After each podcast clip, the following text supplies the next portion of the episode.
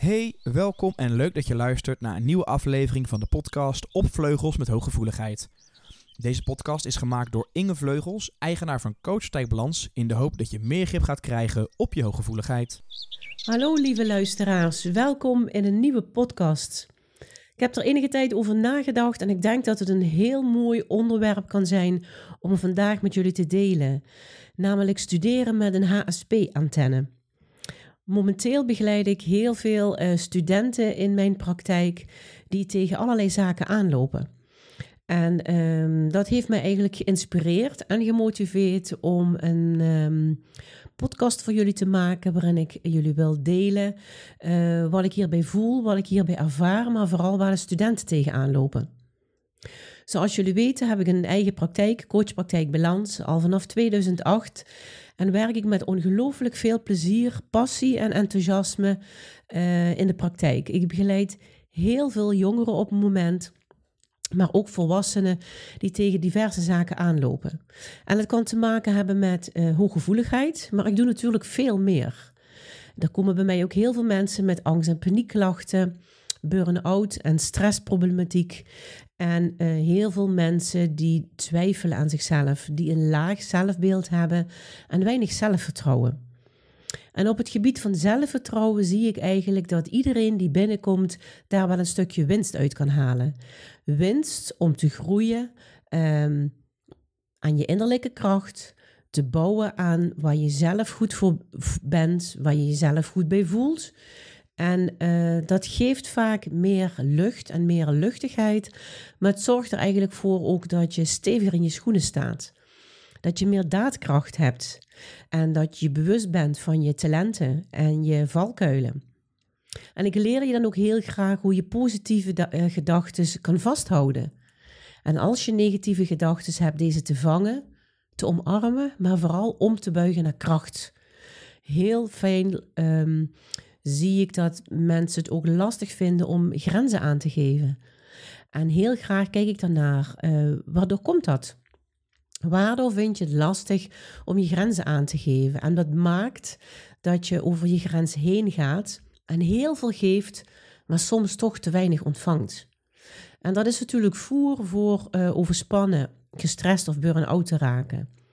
En in het hele mooie traject op zelfvertrouwengebied, uh, wat je op mijn website kan vinden, www.coachpraktijkbalans.nl, leer ik je graag hoe je beter in balans komt met jezelf, hoe je gelukkiger wordt met jezelf en hoe je je zelfvertrouwen kan omarmen en met meer kracht de wereld in kan kijken. En of je nou wel of niet hooggevoelig bent, dat maakt niet uit. Het traject is eigenlijk geschikt voor iedereen. Het mooie is dat deze podcast op Vleugels met Hooggevoeligheid inmiddels in 27 landen wordt bekeken, beluisterd, sorry. En um, ja, ruim 7000 keren al uh, is beluisterd. En dat maakt me trots en dat maakt me blij. En ook de special, heb jij het lef om te groeien, uh, scoort heel hoog. En het geeft mij eigenlijk aan dat ik op de goede weg zit. Natuurlijk vind ik het ook spannend om mijn verhaal te vertellen. En is het perfect? Nee hoor. Ik maak wel eens spraakfoutjes. En misschien hoor je dat ik een beetje verkouden ben. Maar ik dacht, ik ga jullie toch vandaag meenemen, meenemen in een stukje voelen en in een stukje begrijpen. Omdat ik ervan overtuigd ben dat we samen de wereld wat mooier kunnen maken. Dus heb je meer informatie nodig en vind je het leuk om een keer met me kennis te maken? Dat kan natuurlijk ook online. Inmiddels heb ik al diverse uh, mensen in diverse landen uh, die ik één op één begeleid via Zoom. En dat werkt eigenlijk perfect. Nou, jullie horen mijn enthousiasme, dus ik ga nu graag verder met het volgende stukje. En dat ging over studenten. Studenten met een HSP-antenne. Ik merk gewoon dat sinds de corona eigenlijk voorbij is, er heel veel studenten, ook volwassenen, um, moeite hebben dat de wereld weer open is. Moeite hebben met de vele informatie die op ze afkomt. En eigenlijk heb ik gezien en ervaren dat die twee jaar corona ons heel veel heeft gedaan. Nadat de wereld weer op is gegaan, toen heb ik eigenlijk een grotere uh, populatie studenten en volwassenen mogen ontvangen.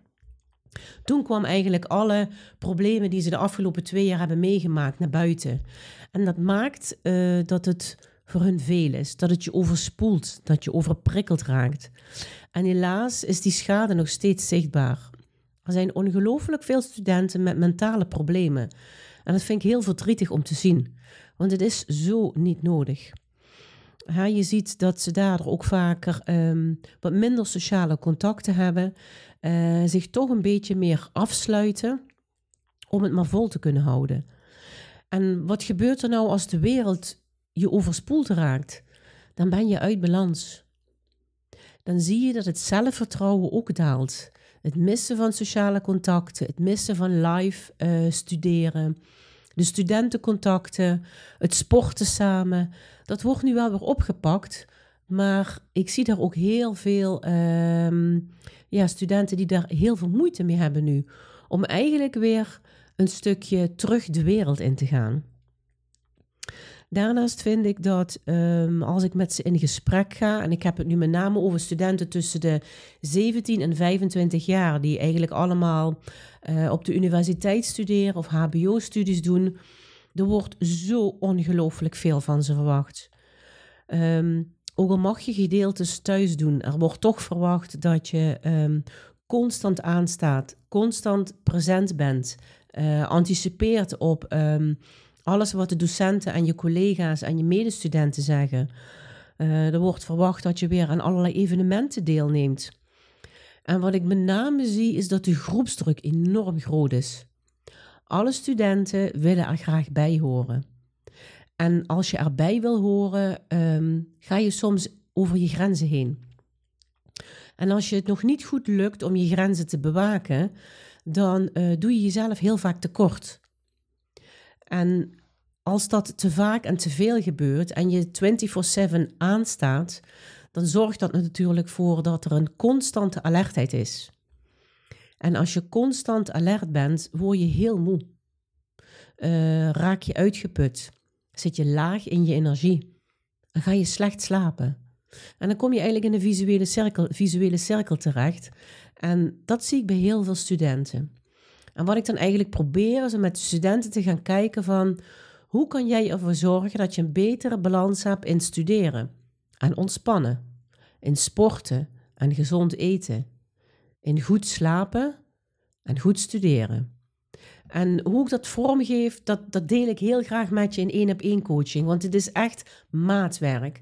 Er moet echt gekeken worden naar hoe jij uh, met jouw eigen karakter en met jouw eigen kwaliteiten en enkele valkuilen, hoe jij in het leven staat. En waar je bijvoorbeeld ook woont. Uh, woon je nog bij je ouders of woon je in een druk studentenhuis?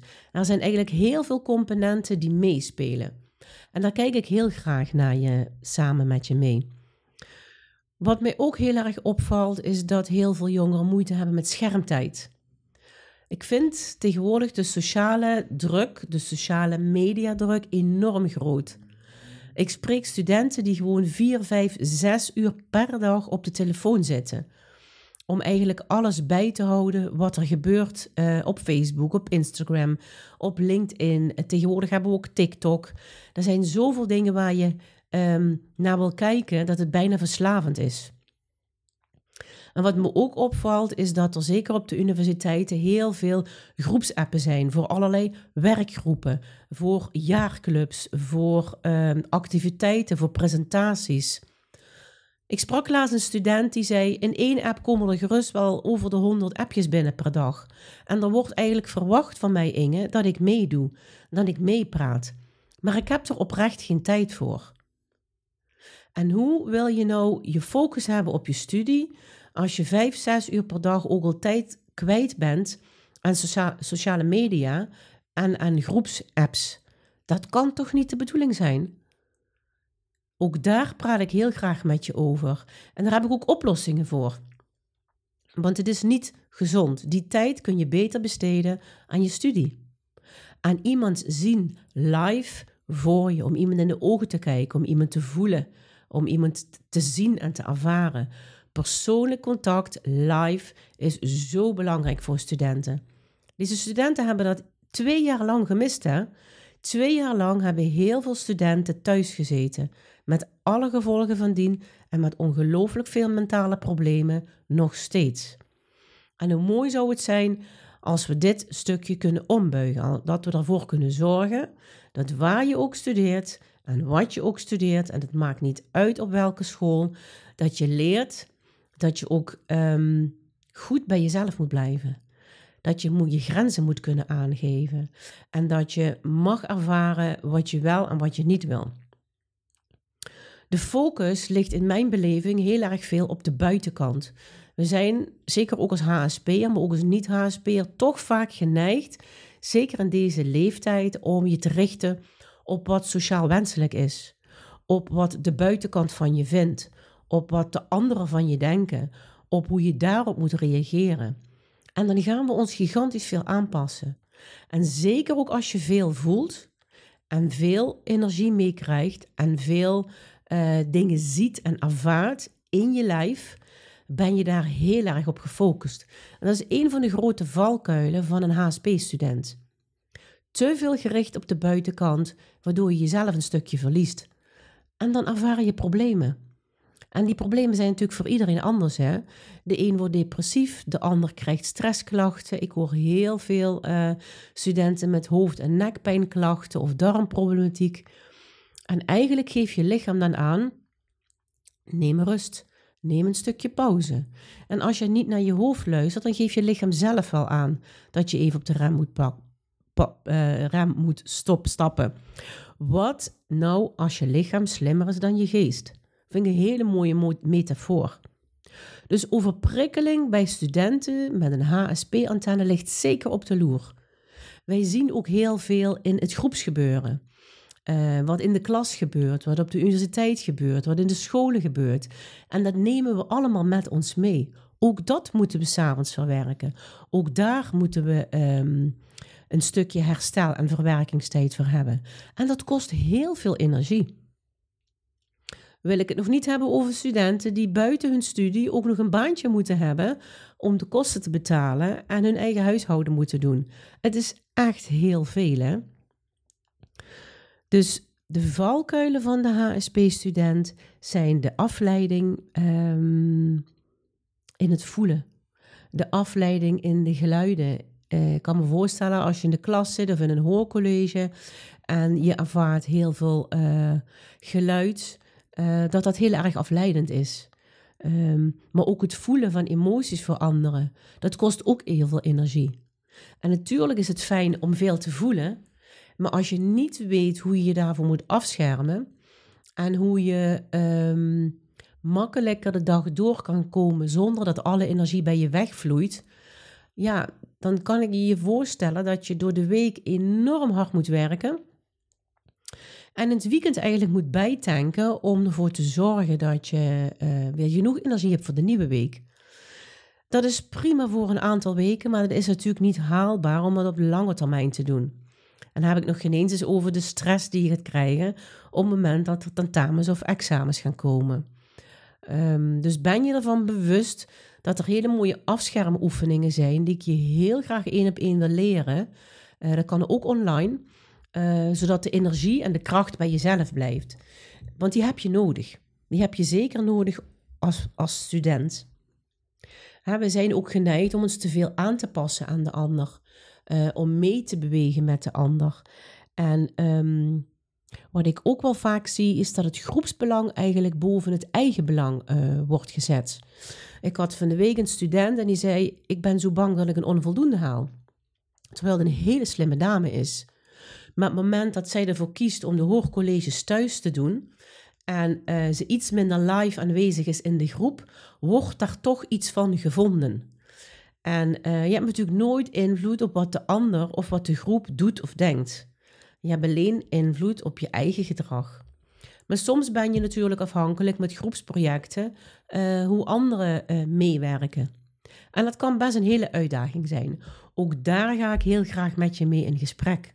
Want ook daar zijn wel mooie gedachten um, voor en mooie handvaten om het positieve ervan te zien en in actie te komen. En eigenlijk de negatieve sfeer en de gedachten die je voelt om te gaan buigen. En nogmaals, we hebben nooit invloed op wat de ander denkt en doet. We hebben wel invloed op hoe we er zelf mee omgaan. Dus te veel aanpassen uh, is niet gezond. Daar help je jezelf niet mee. Zoals ik al eerder aangaf, we hebben meer herstel en we hebben meer verwerkingstijd nodig. En uh, dat zorgt ervoor dat we, nou stel we hebben iets meegemaakt en iemand die niet hooggevoelig is, die kan bijvoorbeeld uh, na een dag al dan mee vooruit en die heeft er eigenlijk een goed gevoel bij. Wij moeten eigenlijk alles wat bij ons binnenkomt eerst laten zakken en daar hebben we verwerkingstijd nodig, daar moeten we bij herstellen en dat heeft gewoon wat langere tijd nodig om alles op een rijtje te zetten.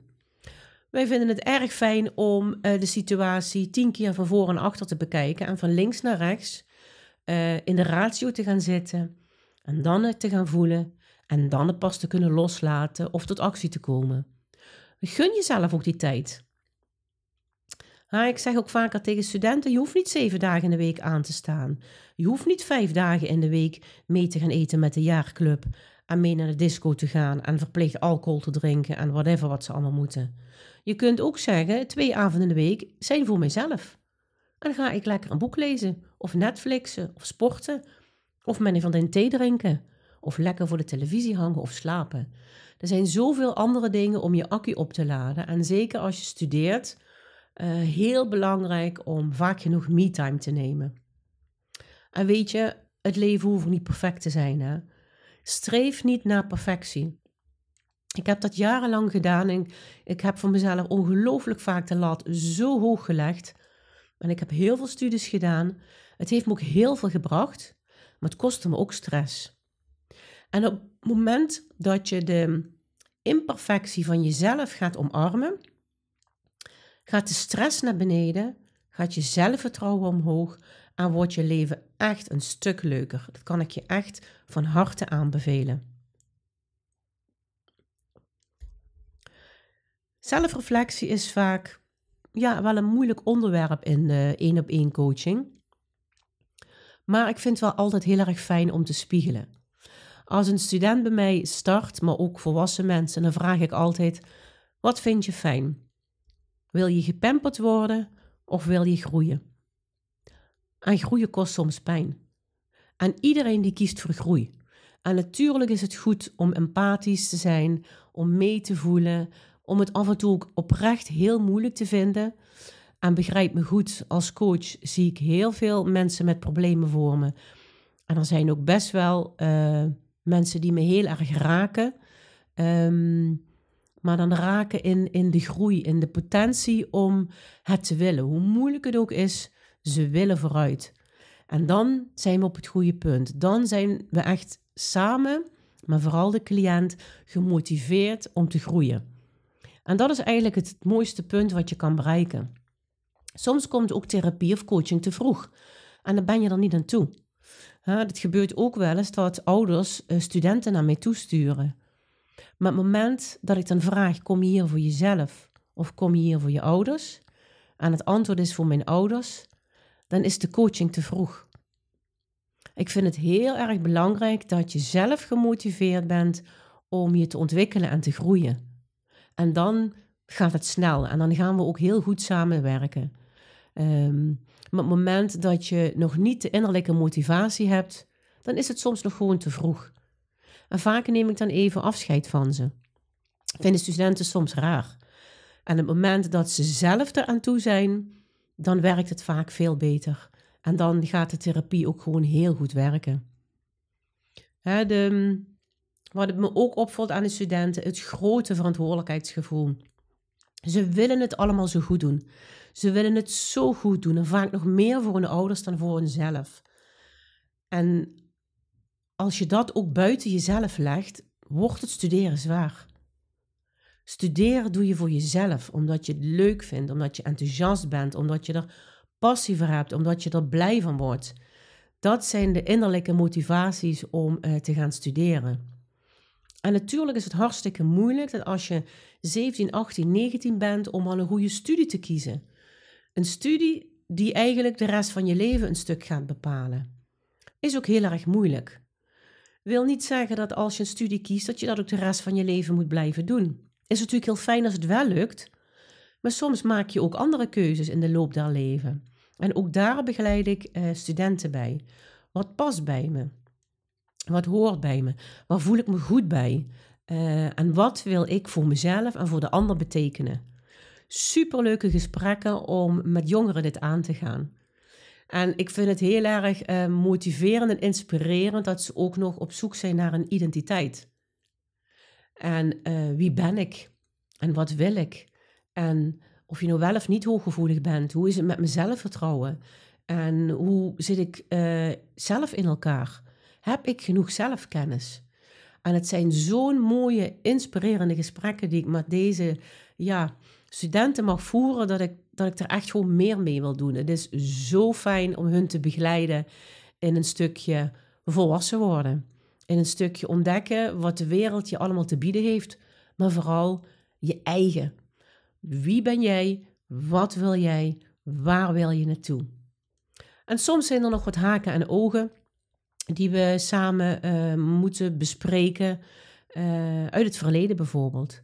En dat wil niet zeggen dat ik dan heel de zwaarte inga, maar ik wil dan wel kijken van goh, op welk moment ging het even de verkeerde kant op en hoe kunnen we zorgen dat we de oorzaak nu goed aanpakken, zodat je kan floreren met, floreren met je talenten. Dat je je kwaliteiten verder kan ontwikkelen. Ik zeg altijd, we hebben allemaal plussen en we hebben allemaal minnen. En de kunst is om je plussen, dus je kwaliteiten en je talenten, verder te ontwikkelen. Dat het moment dat je mindere dagen hebt, die kan inzetten. En dan ben je toch heel goed bezig, of niet? Dus ik kijk heel graag met jullie naar de kracht en naar het positieve. En of je nou 12 bent, of je bent 20, of je bent 40, het maakt niet uit, maar heel veel van deze items komen terug in de coachingen. En ik heb de praktijk, coachpraktijk Balans, natuurlijk al van 2008. En nog steeds werk ik met elke dag met plezier. Ik vind niks leuker dan mensen op de rit krijgen, dan mensen een goed gevoel geven, ze inspireren en motiveren om de kracht en het vertrouwen uit jezelf te halen. Op het moment dat je meer daadkracht hebt, kun je ook meer last dragen als het dus op je pad komt. Want we weten allemaal, het leven is niet altijd een feestje. En er gebeuren ook dingen waar we geen invloed op hebben. Uh, maar de kunst is wel van hoe krachtig ben je zelf om hiermee om te gaan. En dat is iets wat ik wel heel graag uh, wil uitdragen. Ik heb heel veel tips en adviezen die ik uh, je kan aanbieden in één op één coaching. En natuurlijk vind ik het heel leuk om je live te zien in de praktijk in Limburg. maar het is ook mogelijk om via Zoom-meetingen elkaar te zien en in de ogen te kunnen kijken. Inmiddels ik een aantal studenten in, uh, in Wales, in Israël, Zwitserland en België al begeleiden. En ik vind het echt een eer dat jullie mij uitkiezen. Heel veel mensen vinden me ook via de podcast. En ja, dat maakt me gewoon heel erg blij. Dus ik blijf heel graag mijn passie uitdragen. En ik vind niks leuker dan anderen helpen om ook goed in je vel te zitten. Om samen te bouwen aan je zelfvertrouwen. Vind je het nou leuk om een keer kennis met mij te maken? Dan nodig ik je van harte uit om de telefoon te pakken, me te mailen, te bellen of een Zoom-meeting met me af te spreken. En dan gaan we samen kijken wat ik voor je kan betekenen. Er zijn diverse trajecten uh, te vinden op mijn praktijkadres, uh, coachpraktijkbalans.nl. Uh, twee mooie trajecten op het gebied van hooggevoeligheid. Je kunt die allemaal thuis beluisteren en bekijken. Er zitten werkboeken bij. Elk hoofdstuk heeft een eigen video. En er zitten heel veel podcastopnames bij. Dus op je eigen tempo kan je ontwikkelen. En dat geldt ook voor een traject op het gebied van zelfvertrouwen uh, of burn-out of stressklachten. Ik help je heel graag en maak het traject voor jou op maat. Ik hoop dat ik jullie een klein beetje heb mogen motiveren en inspireren om te werken aan jezelf, om te zorgen dat je zelfvertrouwen groeit, dat je eigen kennis groeit, dat je hooggevoeligheid gaat omarmen en dat je meer mag gaan genieten van je kwaliteiten en van je talenten. Voor nu sluit ik heel graag af. Ik wens jullie een ongelooflijke mooie en stralende dag toe en hoop jullie heel graag in de praktijk te ontmoeten. Of wie weet vind je het leuk om nog meer podcasts van mij te luisteren. Dat kan op Spotify en je kunt mij vinden op Vleugels met Hooggevoeligheid. En er zijn inmiddels al een aantal specials. Heb je het lef om te groeien? Heel graag. Tot ziens. Hopelijk heb je wat gehad aan deze podcast. Wil je nou altijd op de hoogte blijven? Vergeet dan niet deze podcast te volgen en te liken. En voor meer informatie kun je terecht op coachpraktijkbalans.nl.